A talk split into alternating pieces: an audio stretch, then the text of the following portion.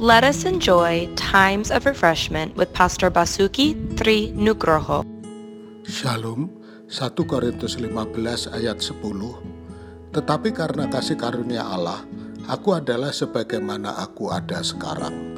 Dan kasih karunia yang dianugerahkannya kepadaku tidak sia-sia. Satu kali saya dan istri saya terkejut melihat foto teman kami yang terlihat awet muda. Wajahnya mulus, bersih, cerah. Ternyata itu adalah efek yang bisa dihasilkan oleh kamera HP. Bahkan foto seperti apa pun bisa diedit untuk menampilkan gambar yang lebih baik. Sehingga sering orang bilang foto lebih indah dari warna aslinya. Tetapi hidup yang tidak apa adanya akan melelahkan. Manipulasi hanya berhasil sementara karena itu hari-hari ini tantangan untuk menjadi nyata makin disadari banyak orang.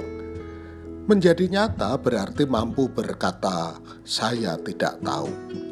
Menjadi nyata berarti membiarkan diriku jatuh ke pelukan Yesus tanpa rasa khawatir.